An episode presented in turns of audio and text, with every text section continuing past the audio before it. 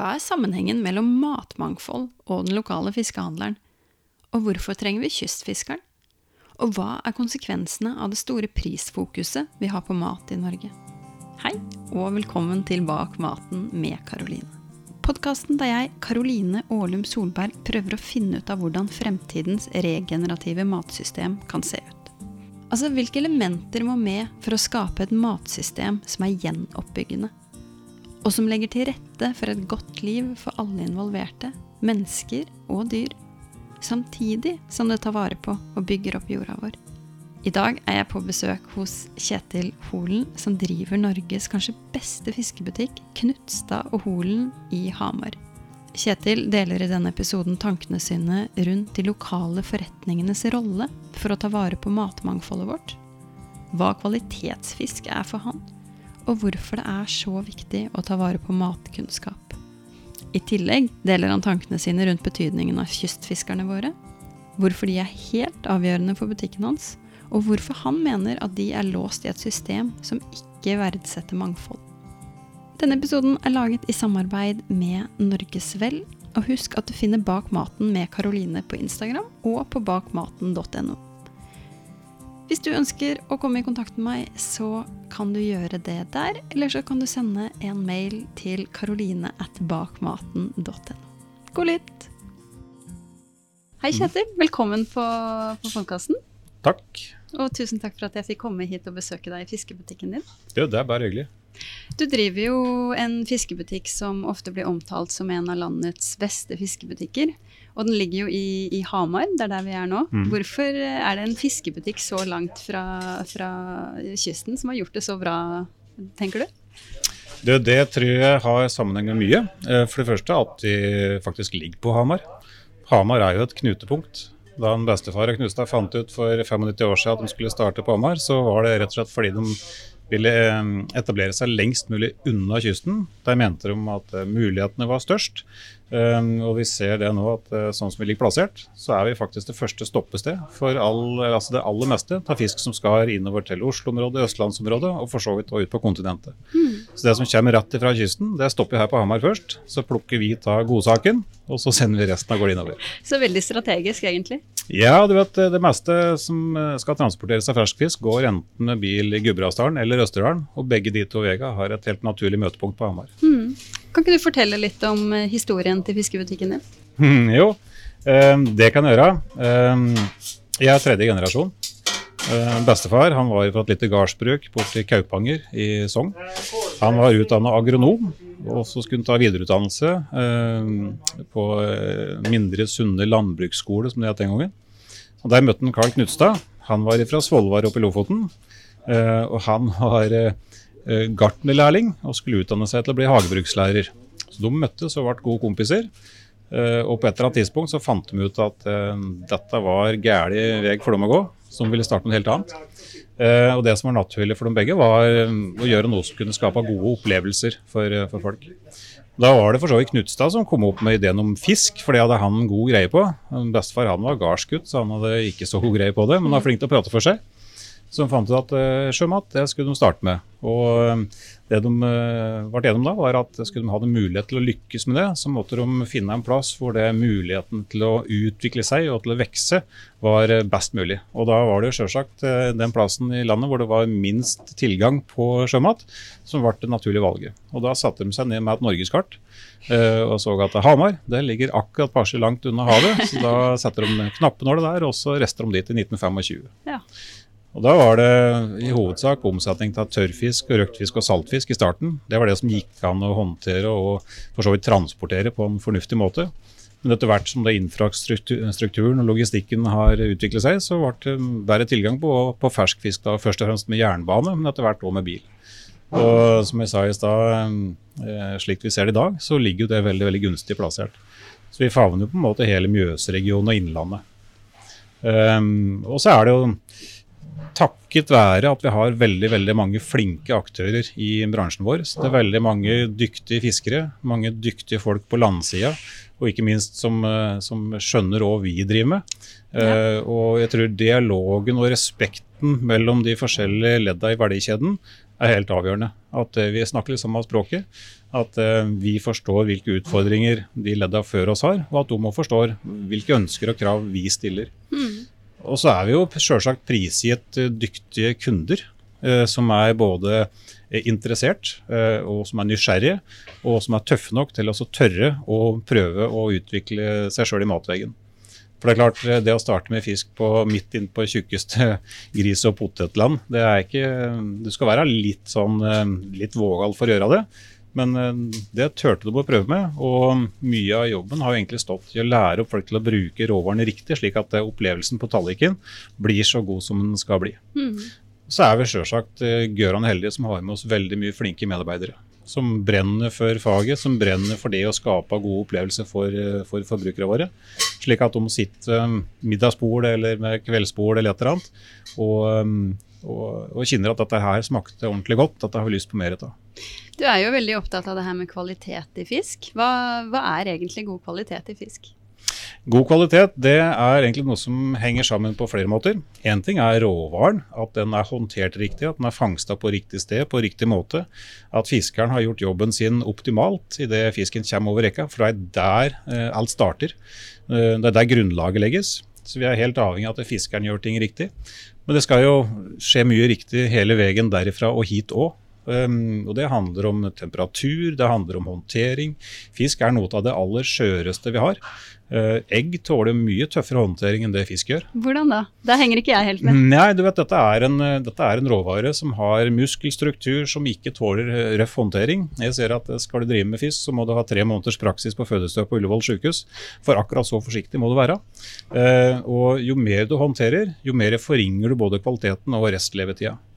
Ehm, det handler om kvalitet, men så handler det også om kvalitet i forhold til hvordan du som sluttbruker skal, skal tilberede. Og Um, det er mange som har lett for å både oversteke og overkoke fordi de er livredde for at det ikke skal være ordentlig gjennomstekt eller gjennomkokt.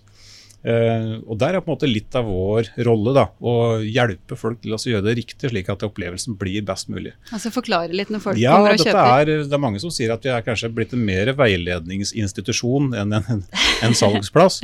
Men det, det, er nettopp det vi ønsker å være òg. Vi ønsker å sørge for at kundene våre får best mulig opplevelse. Mm. Og Det handler om å ikke steke for lenge, ikke trekke for lenge, eh, servere riktig tilbehør, og, og, ikke minst altså, tørre å prøve nye, nye arter. Mm. Vi er såpass heldige at vi har ei kyststripe som er lang, og den rommer per nå 287 ulike arter. Eh, det betyr at vi har fantastisk bredde eh, i, i muligheter når det gjelder å lage god sjømat. Men det er jo veldig mange i Norge som stort sett spiser torsk eller laks hvis de først spiser fisk. Hvordan mm. tenker du at vi kommer litt ut av den, eh, den boksen der, og, og, eller måten å tenke på? Nei, jeg synes vi skal, Det er litt sånn blanda, for jeg syns vi skal beholde den boksen. Eh, men samtidig tørre å utfordre oss sjøl litt. Det handler egentlig bare om å se muligheter. Um, og kanskje det viktigste er å bli trygg på teknikken i forhold til varmebehandling. Um, har du lært deg å trekke torsk, ja, så kan du trekke kveite. Du kan trekke laks, du kan trekke ørret. Har du lært deg å steke hvittingfilet, så kan du steke seibiff, du kan steke lyr eller lysing. Og Det er på en måte det å skjønne litt av dynamikken i hvor lenge og hvor varmt skal det være. Um, og gjør du det riktig en par-tre turer, ja, så sitter dette litt av meg i ryggen. Og Du lærer på en måte hva du skal se etter, og hvordan du skal bruke fingrene og kinne etter. Mm. Det er det viktigste verktøyet vi har. Ja. Jeg vet dere eh, samarbeider med, med bl.a. barnehager mm. eh, for opplæring. Kan du si litt om hvorfor det er viktig? Det, eh, for det første så er det fryktelig fryktelig moro. Uh, unger er, eh, det er morgendagens forbrukere. Uh, og de er en viktig del av samfunnet, som eh, er i en viktig fase i livet, hvor det kosthold har mye å si. Men samtidig så er det viktig for oss å rekruttere morgendagens kunder òg. Ja. Um, så vi bruker mye tid på å reise rundt både i barnehager og barneskoler. og hva skal vi si, uh, leke med maten. Ja. For du skal ikke være redd for oss å gjøre det. Det handler om å tørre å leke litt med maten og gjøre det ufarlig. Veldig mange unger i dag de får dessverre ikke den muligheten til å bli utfordra i, i smaksveggen. Uh, nettopp fordi kanskje mor og far er litt engstelige eller litt redde for å gjøre feil. Det er den største katastrofen på et kjøkken. det. Hvis du har sti og tilberedt et måltid mat, og så er det ingen rundt kjøkkenbordet som syns det er godt, Ja. eh, da velger du ikke det på nytt.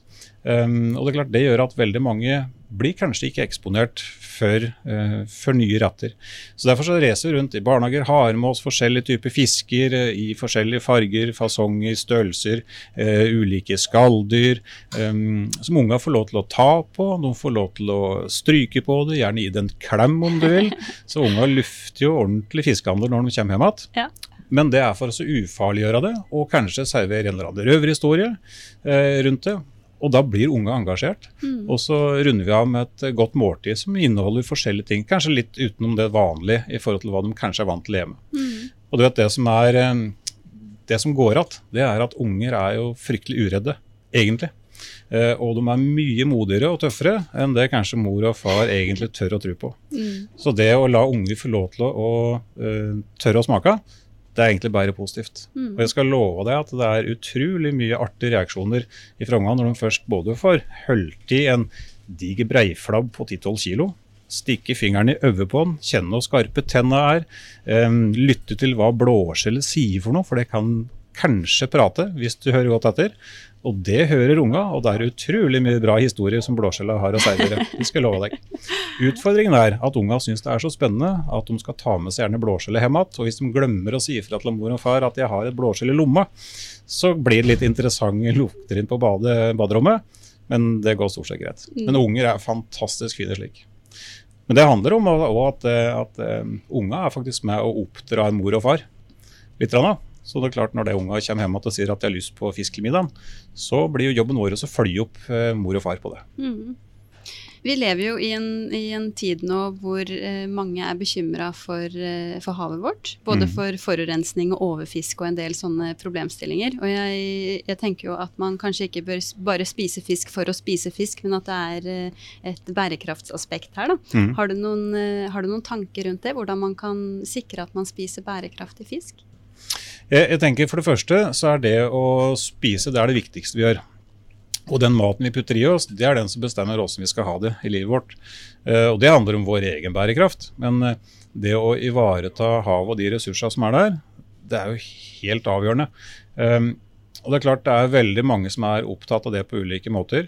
Eh, heldigvis så er vi i Norge såpass eh, skal vi si, privilegert at vi har myndigheter som er også veldig opptatt av det. Vi har en næring som samla og er veldig opptatt av at det vi faktisk skal leve av, det må vi også forvalte på en bra måte. Det er ikke veldig mange som er bedre enn oss på å drive forskning, på å eh, prøve å tilpasse og legge til rette for best mulig vilkår for, eh, for hav og havressurser. Eh, Men det er klart, eh, vi står i en tid hvor det er mye utfordringer. Eh, Du kan kanskje nevne plast, mikroplast, sånne ting som vi er veldig opptatt av at det vi skal ha kontroll på. Og det handler om kanskje aller mest kompetanseformidling i forhold til hvordan skal vi forebygge. Veldig mye har vært gjort opp gjennom tida fordi man ikke har visst. Og det vi har vesentlig flinkere på nå, det er jo å sørge for å formidle den kunnskapen om hvordan vi skal unngå å havne i en mye verre situasjon. Skape bevissthet. Ja, jeg tror det er viktig. Um, eh, det har aldri vært straffbart å tenke seg om. Eh, og det kommer antageligvis aldri til å bli hell, Og, og gudskjelov for det. Så jeg tenker at, eh, at så lenge folk får tilstrekkelige opplysninger om hvordan man skal forebygge, så, så vil det hjelpe godt. Jeg har lyst til å gå litt tilbake til, eh, til dette første leddet, altså fiskeren. For det er jo mange måter å eh, denne, Dette første leddet kan foregå. Altså Du har jo fiskere, og så har du trålere, og så har du oppdrettsanlegg. Kan du Mm. si litt grann om forskjellen på, eh, ja, på dette første leddet fisken kommer opp fra vannet? da? Eh, ja, eh, det er mange måter å fiske på. Eh, og det er mange ulike redskaper som fiskere bruker. Um, og det, hvert enkelt redskap har sin unike egenskap i forhold til hvordan det påvirker eh, råstoffet. Um, det er noen eh, måter som er veldig skånsomme for fisken. Og så er det noen litt mer volumbaserte, som kanskje ikke er fullt så skånsomme for enkeltindividet. Da tenker du på kvalitet i Da tenker jeg på kvaliteten i fisken, ja. Um, um, og så er det en del, en del, fangstmetoder som er uh, viktige å ivareta nettopp for å holde god kontroll på bestanden og bestandsutviklinga.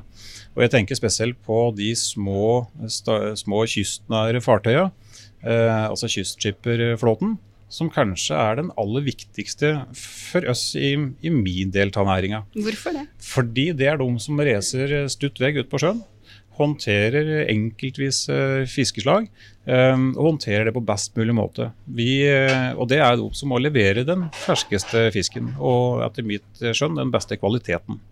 Um, så vi er helt avhengig av å ha en høyst oppegående kystfiskeflåte. Um, det jeg er litt bekymra for, er utviklingen av rekrutteringa. Fordi det blir færre og færre båter og færre og færre fiskere. Og Det syns vi er synd, for det er jo fantastisk spennende næring å drive i. Og vi er, Eh, vi er en nasjon som har så utrolig flotte muligheter. Eh, vi har et sjømatkonsum per innbygger som er altfor lavt per i dag. Eh, ikke bare fordi det er lavt, men fordi det også har en vesentlig helsemessig gevinst å ete mer sjømat, og også mer variert. Og da er vi avhengig av de små båta som racer ut og henter litt her og henter litt der. De representerer også de som fanger den, den store bredden av sortimentet. Mm. Men det er klart, vi trenger også de store. Uh, Men før du går over på de store, så mm. må, vi, må, vi, snakke litt mer om de små. Mm. Um, for jeg, jeg, sitter jo igjen med ganske mye spørsmål etter, etter, det du sa akkurat nå. For det første så, det, så lurer jeg på hvorfor sliter vi med rekrutteringa av uh, hvorfor, er det, hvorfor er du bekymra for disse kystfiskerne? Nei, for Vi ser at snittalderen begynner å bli høy. Og mange går av med pensjon, og eh, etter hvert så havner de under bakken. Eh, det å få motivert og stimulert ungdommen til å velge fiskeryrket i dag, eh, tror jeg bør være et viktig satsingsområde. Så det er klart, Man skal ikke stikke under en stol at det er et tøft yrke. Men det er en gevinst i andre enden. Og det er at gjør du det bra, så gjør du det bra. Mm. Men du må gjøre det ordentlig. Og gjør du det ordentlig, så er det òg en sterk bidragsyter til at forbrukere i andre enden kan nyte godt eh, gjennom måltidet og også gjennom, gjennom helse. Um, men uh, sammenligner du tallene på antall fiskere i dag og går 20-30, kanskje 40 år tilbake, så er det en radikal nedgang av antall fiskere. Det syns vi er litt synd. Vi skulle fryktelig gjerne hatt tilbake at mange av de gode som du kunne ringe til et mottak og så kunne høre at um, da sitter han bare og kikker ut av vinduet og ser at ja, nå ligger den båten der, og han har slik, og da ligger den båten, den er på tur inn, og der ser det ut som ligger sånn og sånn. Mm. Og så kan vi sitte og sette sammen et sortiment som gjør at vi kan by fram det, det største mulige bredden da, i, i varesortimentet. Mm.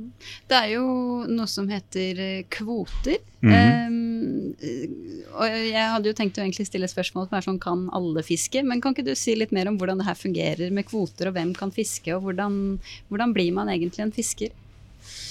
Eh, nå kan ikke jeg svare inngående på alt det, men, eh, men jeg kan driste meg ut på å si at de aller, aller fleste kan jo bli fiskere. Men du må ha en båt som er godkjent, og som er rigga for de fiska som du skal bide deg ut på. Eh, du må òg ha, ha ei kvote. Eh, skal du drive næringsfiske, så må du ha ei kvote. Og det som er utfordringen, er at den koster litt. Det er investering. og det er klart For en 25-åring som kommer rett fra skolen med studielån, eh, så er det en vågal satsing. Eh, så jeg tenker at Utfordringa til myndighetene er å legge enda mer til rette for eh, å hjelpe de som har lyst, og som kanskje tenker at dette her ser spennende ut, men jeg vet ikke helt om jeg tør. De trenger mer hjelp, både fra myndighetene, men også fra næringa ellers òg. Jeg er nok litt sånn lei meg når jeg ser at de store blir større.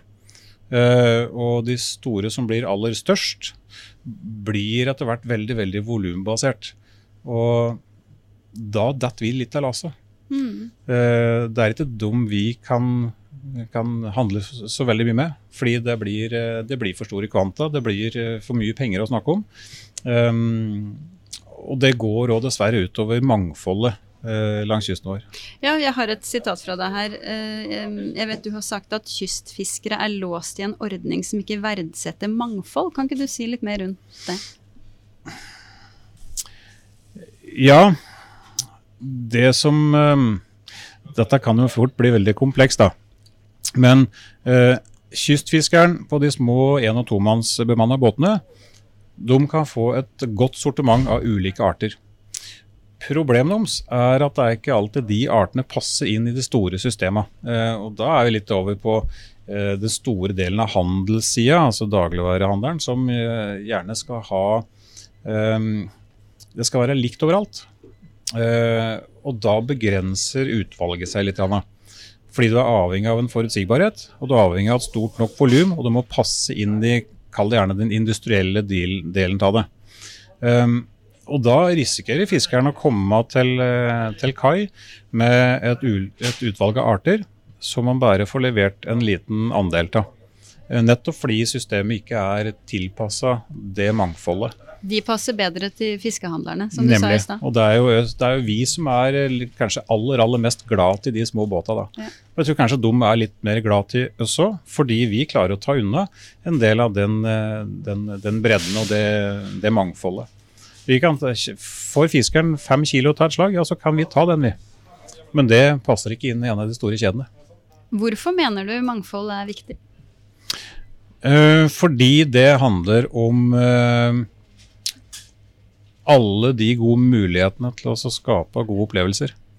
Um, men det handler også om å forvalte de ressursene som er langs kysten vår. Fordi um, hvis vi bare skal forholde oss til et lite utvalg, ja, så blir ikke det godt nok grunnlag for å drive god og fornuftig næring. Um, hvis vi bare skal fiske på et enkelt utvalg av arter, så blir det en veldig hard belastning på nettopp de artene. Så Derfor så mener jeg at vi er helt avhengig av å spre eh, både fangsten, men også å spre bredden i det vi forbruker. Nettopp for at, uh, for at det ene kan erstatte det andre. Slik at, det, slik at det trykk ikke blir for stort på enkelte arter. Mm. Da kan du fort miste, miste, muligheten til å fangste på den eh, ene arten for, for framtida. Mm. Du var jo litt inne på det her, um, men jeg lurer på hvordan kan vi tenke mer lokal distribusjon av, uh, av fisk i Norge? Hmm, ja, Norge er jo et pussig land, da, for det er langt. Det er lange transportetapper. Um, lokalt så syns jeg det at uh, det er klart Nå står jeg midt på Innlandet. Det er veldig lite lokal fisk innpå her. Vi er jo avhengig av det som skjer langs kysten. Men hvis du tenker lokalt, så er det det altså å bruke det som er kortreist. Altså at eh, fiskeren skal få lov til kanskje å levere til et lite mottak som kan levere lokalt til sine butikker i, i området. I stedet for at alt skal sluses gjennom store store systemer. For det er eh, sånn det er lagt opp i dag? Ja, det er litt sånn, eh, dessverre. Og det, det syns vi er litt synd når vi ser at eh, mange av de bilene som vi plukker av våre godsaker, de eh, skal da videre til, til andre plasser hvor det skal pakkes om igjen og så distribueres, og gjerne gå tilbake forbi oss på turen opp igjen. Ja. Og det syns vi virker litt rart. Uh, og jeg tror at hvis vi gjør et litt sånn fellesløft, så har vi muligheten til å styrke både kvalitet, eh, ferskhetsbegrepet, eh, mangfoldet i de lokale, lokale miljøet. Og jeg tror òg det vil styrke muligheten til forbrukerne til å bli kjent med alle de nye artene. Og ikke minst eh, kanskje utvikle egne, egne måltider og, og kosthold, etter hvert også helse, helsemessige gevinster. Men det er jo et ganske stort og kanskje litt sånn inngrodd system det du skisserer her med, mm. med liksom disse distribusjonsveiene. Har du noen tanker om hvordan vi, eh, hvordan vi på en måte kan komme oss nærmere dit hvor du eh, ønsker deg? Du, det er et godt spørsmål. Jeg tror kanskje den viktigste faktoren for det er nettopp kommunikasjon. Uh, at det er god kommunikasjon mellom de ulike ledda i verdikjeden. Uh, og at også myndighetene er på banen og legger til rette for det. Um, og jeg tror at uh, kanskje mange av de store kan ta litt mer ansvar for det. For de blir ofte en flaskehals i det systemet. Vi som er små, vi blir ofte satt på sidelinja. Eh, og det blir vanskeligere å komme til. Vanskeligere å slippe gjennom nåløyet. Eh, og dette handler jo sjølsagt òg om økonomi. Eh, jeg tror det er viktig at man lærer seg faktisk også verdsette mye av det mangfoldet vi har. Ja, og verdsette det at en liten lokal aktør faktisk står på og utøver et håndverk for å kunne tilby det som er best. Uh, så tror jeg det at vi alle i fellesskap kommer til å vinne på det på lang sikt. Hvorfor det? Jo, for jeg tror at uh, min filosofi da er at jo flinkere flere er, jo bedre blir det for forbrukeren. Og jo bedre det blir for forbrukeren, jo mer lyst får òg forbrukeren. Um, og når forbrukeren får mer lyst, ja, så vil den òg være med å utvikle. Og da vil den også stille mer krav. Og det bidrar òg til å utvikle næringa i, i flere, flere, ledd. Mm. Jeg avbrøt deg uh, i stad da du sa vi trenger de store også. Vil du fortsette på den setninga nå? Jo, for det er klart. Uh, fiskeri i Norge er jo det er Norges viktigste næring. Um, og det betyr at eh, skal vi klare å opprettholde uh, vår status som en fiskerinasjon, som vi jo er Vi, vi skal jo være verdens fremste sjømatnasjon. Og skal vi få til det, så lyter vi å ha volumet. Vi lyter å ha de store. Um, for de er også med på å bygge grunnlaget, og også bygge bruer. Um, så jeg tror det samspillet mellom de store og de små er veldig, veldig viktig. Um, nå er ikke jeg spesielt god på, på alt det som skjer utafor Norges grenser, men jeg vet at det er veldig veldig avgjørende for at mange av de små òg kan drive. For Lyt har kanaler på, på flere, flere, områder. Kan du si litt mer om det, for der hang ikke jeg helt med. Hvordan henger det sammen? Hvordan påvirker ja, det deg som liten? Jo, det påvirker meg som liten på den måten at uh, mange av de uh, fiskere som er, som er, ute og gjør store fangster, mm. så, så, er de helt avhengig av å ha en kanal som kan distribuere det store volumet. Um, for det blir gjerne samkjørt med det jeg skal ha. Uh, og bare det at de skal få lønnsomhet i det å gå på havet, så er de avhengig av å ha tilstrekkelig volum på det de leverer. Um, og de store er også med på å skal vi si, uh, legge til rette for at, uh, at, flest mulig får tilgang da, til gode, gode sjømatopplevelser. Mm. Jeg vet en ting eh, mange har fått med seg uten kanskje å vite så mye om det, er at uh, det går en del fisk fra Norge så langt som til Kina, både for mm. bearbeiding og, uh, og pakking. Mm. Jeg tenker at det har med, med, med, pris å gjøre, at det er billigere. har jeg rett i det? Ja, det tror jeg nok. Ja. Det tror jeg nok. Hva, hva, tenker du er konsekvensen av at vi har så stort prisfokus i, i Norge? Det tenker jeg er dessverre ganske ødeleggende. Uh, og jeg tror det bidrar til å oppdra mange ubevisst til å velge uh, basert på hva ting koster, framfor hva slags kvalitet og opplevelse og gevinst det skal gi. Um, og det er et fokus på, og et, ikke minst et press på næringa på å ofte levere billigst mulig. Uh, og da går dessverre det ofte utover kvaliteten på både håndverket og sluttproduktet. Og det syns jeg er både skremmende og veldig veldig synd. Fordi det er med og bremser den gode opplevelsen som mange eventuelt ville, ville fått. Mm. Eh, og så syns jeg det er fryktelig synd at ikke vi klarer å, å, legge enda bedre til rette for den sysselsettinga her i Norge. Ja, Det var neste spørsmålet ja. mitt. Hvordan, hvordan, kan vi jobbe mot det? Igjen så tror jeg det handler, handler om uh, kommunikasjon. Og det å uh, skal vi si, holde på å verdsette hverandre, men verdsette òg den verdien det ligger i å skape en sysselsetting, det å skape eh, et miljø for å eh, ivareta produksjonsledda på, på, egen sokkel. Eh, da har vi mer kontroll. men det er klart, vi har helt andre kostnadsdrivere her, her til lands enn mange andre plasser. Og da må vi sannsynligvis òg tåle at ting faktisk kan koste litt mer. Men så må vi også huske på at når, når det gjør det, så bidrar vi òg på et langt langt bredere grunnlag enn nettopp bare det ene måltidet. Mm. Har du noen tanker om hvorfor vi har et så eh, sterkt prisfokus eh, som det vi har i Norge? Vi er jo veldig opptatt av at maten skal være billigst mulig. Ja, og så er det litt sånn todelt, tror jeg. Eh, for ja, på en måte så er vi det. Og på en annen side så er liksom spørsmålet litt ja, er vi egentlig det? Eh, for jeg opplever det nemlig litt motsatt, i hvert fall i den kundekretsen som, som, vi har.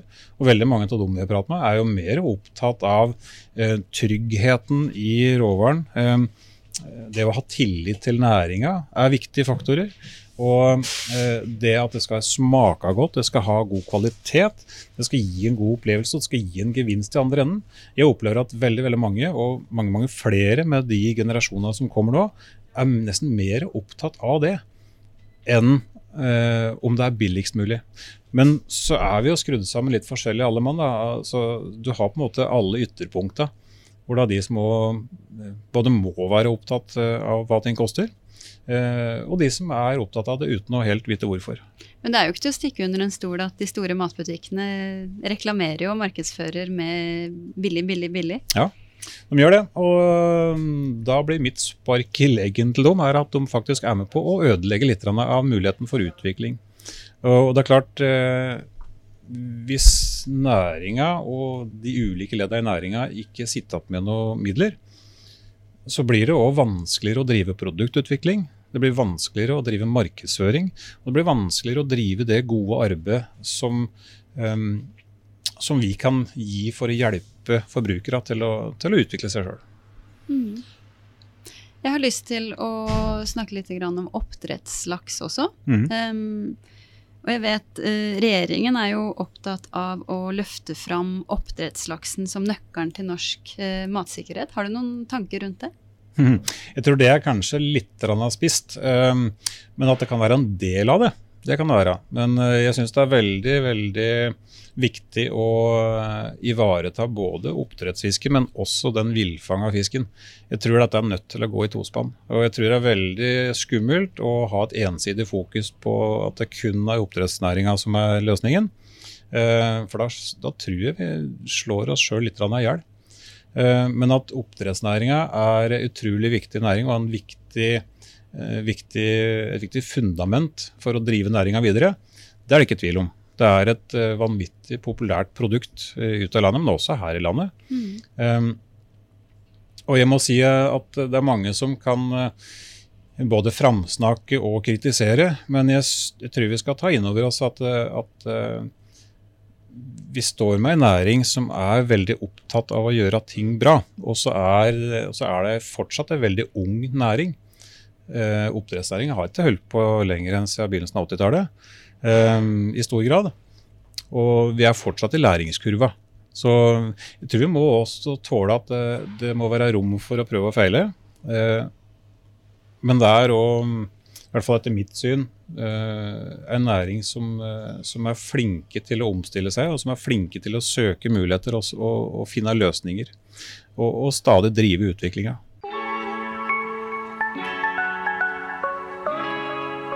Altså, det å, å, spise fisk er jo en del av matkulturen vår uh, her i Norge. Hva, hva, tenker du er hindre, det største hinderet for å ivareta mat, matkulturen vår i Norge? Hmm. Jeg tror kanskje at det største hinderet er uh, at vi er i ferd med å miste veldig mye grunnleggende kompetanse rundt det å lage et godt måltid. Og da snakker jeg ikke bare om sjømat, men mat generelt. Um, når jeg var liten, så hadde jeg ei mor som gikk hjemme, og hun lagde middag. Og jeg, jeg, fikk lov til å være med på kjøkkenet. Og jeg så hva hun gjorde for noe. Jeg så hvilket forhold hun hadde til å håndtere råvarer. Um, og fikk vel det litt inn med morsbjølka. På barneskolen hadde vi heimkunnskapsfag, og vi fikk lov til å lage mat. Eh, ikke støtt av var like populært, um, men vi lærte i hvert fall å håndtere råvarer. Um, og jeg tror at slik som samfunnet er blitt i dag, hvor det, vi er avhengig av at uh, flere i husstanden er i arbeid, så betyr det også at man kanskje har litt mindre tid til å stå hjemme på kjøkkenet. Uh, det blir litt hurtigere løsninger. Det blir uh, kanskje litt mindre fokus på variasjon. og så tror jeg også det handler altså Det tror jeg fører til at man blir litt redd for å tørre å utvikle seg. Altså tørre å, å prøve nye ting. Mm. Vi går litt på autopilot. Uh, det er ingenting som er tryggere enn å gjøre det vi kan, og det vi har gjort i alle år. For det går til av seg sjøl, og så vet vi åssen resultatet blir. Og så er det litt mer skummelt å um, tråkke ut i litt ukjent farvann. Uh, så jeg tror kunnskap og uh, skal jeg si, jo, kompetansen rundt det å håndtere måltider generelt, mm. tror jeg er helt avgjørende for oss å både ivareta, men også å kunne drive utvikling. For det, har du kunnskap og nysgjerrigheten, ja, så vil du òg være med på å, å, finne opp kruttet da, på nytt. Og så nevnte du jo dette med tid. Tenker du vi jobber litt ja. mye? Ja, jeg tror det. Uh, vi jobber nok kanskje det vi må, men jeg tror vi er litt for dårlige til å sette av tid til, uh, til det å lage mat hjemme. Nå har vi vært i en situasjon med, eh, som har vært veldig veldig spesielle for mange det siste året, med pandemi og alt sånt. Nå. Og for mange så betyr det at, at en del har vært tvungen til å være mer hjemme. Eh, og det tror jeg kan ha vært fryktelig, fryktelig krevende og utfordrende for mange. Men uh, så prøver jeg i litt sånn min hverdag da, å se noen lyspunkter i det. Og det jeg kanskje oppfatter her i butikken hos meg, det er at det, eh, er flere som nå plutselig har fått av tid til å lage mat hjemme. Og som, har vært, som har fått muligheten til å kanskje sitte mer samla rundt kjøkkenbordet. Um, og jeg tror at for veldig mange så har det å finne litt tilbake til den gode verdien i din sosiale ramme rundt kjøkkenbordet, det du kan senke litt av skuldrene, uh, ete et godt måltid sammen og faktisk ha kommunikasjon, tror jeg det, er, um, det tror jeg har vært bra for mange. Så, så, du tenker at hvert fall for noen så har eh, den tiden vi har fått hjemme, fått folk til å, å kanskje få litt kontakt med verdiene sine igjen? Da? Ja, jeg, jeg, oppfatter i hvert fall det på en del av de tingene vi får tilbakemeldinger på, og som vi senser at kundene våre prater om. Mm. Så er det å sitte hjemme, det har faktisk blitt en hyggelig ting. Og det er jo fryktelig hyggelig, og det er verdifullt. Og jeg tror det er viktig at det vi mm, kanskje holder litt på det. For vi har eh, tidvis eh, lett for å ha det altfor travelt. Vi skal rekke det og vi skal rekke det, og vi skal ha noen hit og dit. Eh, jeg står jo midt oppi dette sjøl, så jeg vet jo åssen dette er. Mm. Eh, men det er veldig ålreit altså, å kunne sitte rundt middagsbordet og føre en samtale og høre åssen folk har hatt det. Eh, og både bli mer involvert og engasjert i, i litt andre ting enn det vi har vært tidligere. Mm connecte litt. Ja, jeg tror ikke det er så dumt. Nei. En ting vi ikke har snakka om, er jo hvorfor vi bør spise fisk, litt sånn ernæringsmessig. Mm. Det er eh, noe som de aller fleste egentlig er klar over, tror jeg. Men eh, jeg tror nok det mm, Vi kan vel få en påminnelse, tenker jeg. Ja, det å få litt sånn refreshing på det, det tror jeg aldri er dumt. Uh, det jeg tror kanskje er det aller, aller viktigste, det er at man har en holdning til å spise variert. Um, jeg var så vidt inne på det i stad. Det viktigste vi gjør her i liv, det er å ete mat. Og da blir det du putter i deg, og veldig avgjørende for hvordan du skal ha det. Og jeg tror at variasjon i kostholdet er, eh, er litt sånn nøkkelfaktor. Og jeg tror det er veldig viktig å være bevisst på hva du putter i deg. Uh, og nå er vi såpass heldige at sjømat har så mye gode egenskaper som er bra for kroppen vår på mange måter.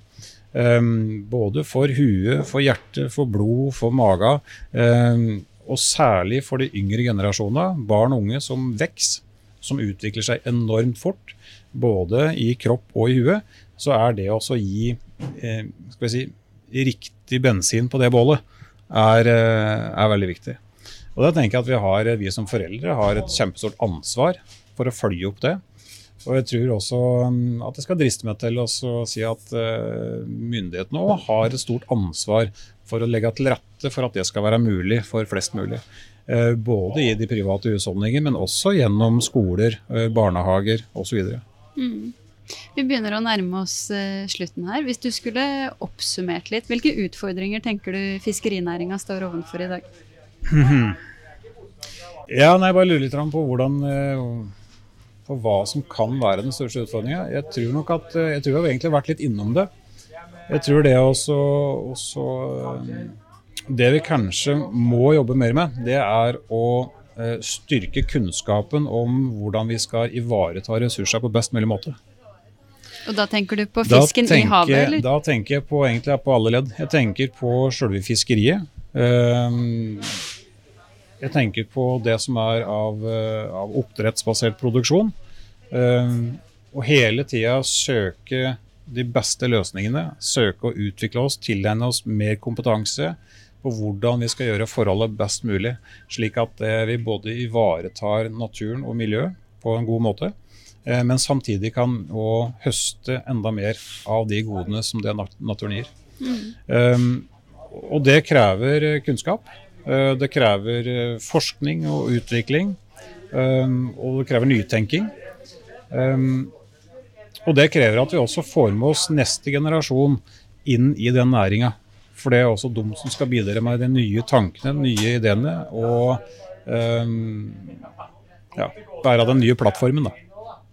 Jeg bruker å, å avslutte den podkasten her med å, å, spørre gjestene mine hva som gjør de sinte. Er det noe som gjør deg sint?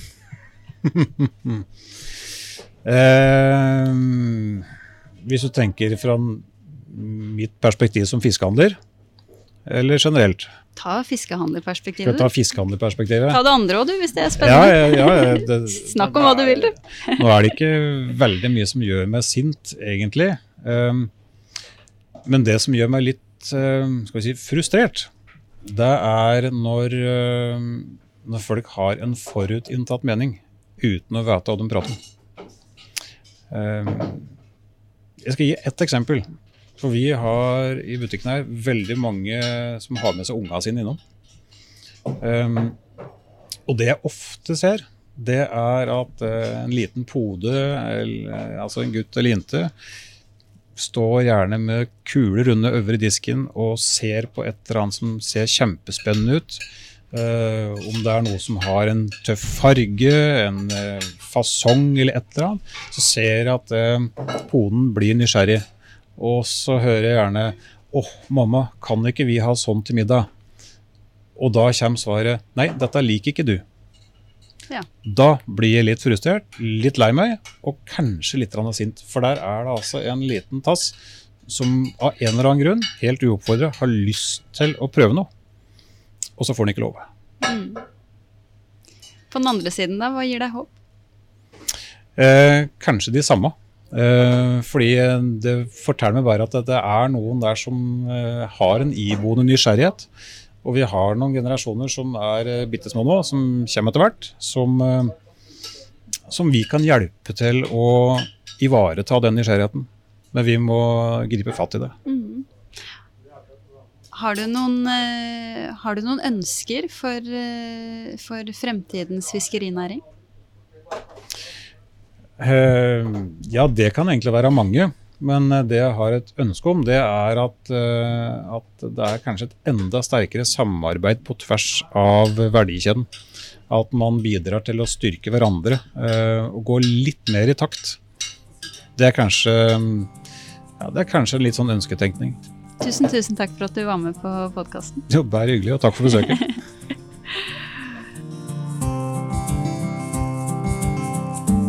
Tusen takk for at du hørte på denne episoden som er laget av meg, Karoline Aalum Solberg, i samarbeid med Norgesvel. Du finner Bak maten med Karoline på Instagram og på bakmaten.no. Vi snakkes!